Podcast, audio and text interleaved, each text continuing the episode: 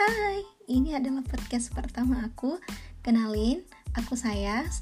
Jadi podcast ini aku buat berdasarkan saran dari teman-teman aku.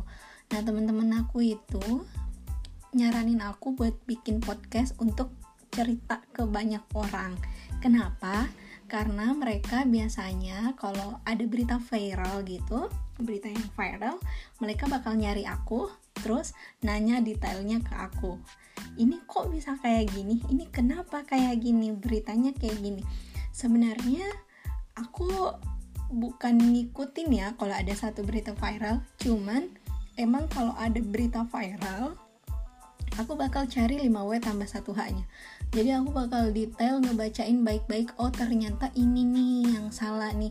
Oh ini jadinya kayak gini pelakunya ini korbannya ini kayak gitu. Makanya aku bisa ceritain ke teman-teman secara detail.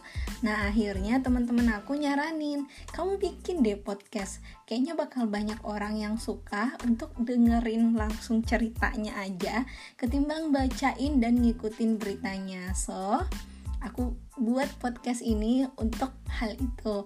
Nah mungkin ke depannya aku juga bakal bahas banyak hal viral lainnya.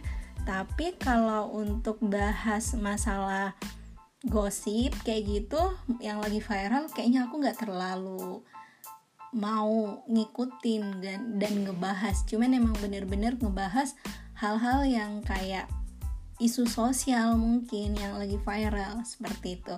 Nah, buat temen-temen yang tertarik sama podcast aku, silahkan dibaca, ah, didengar, didengar ya.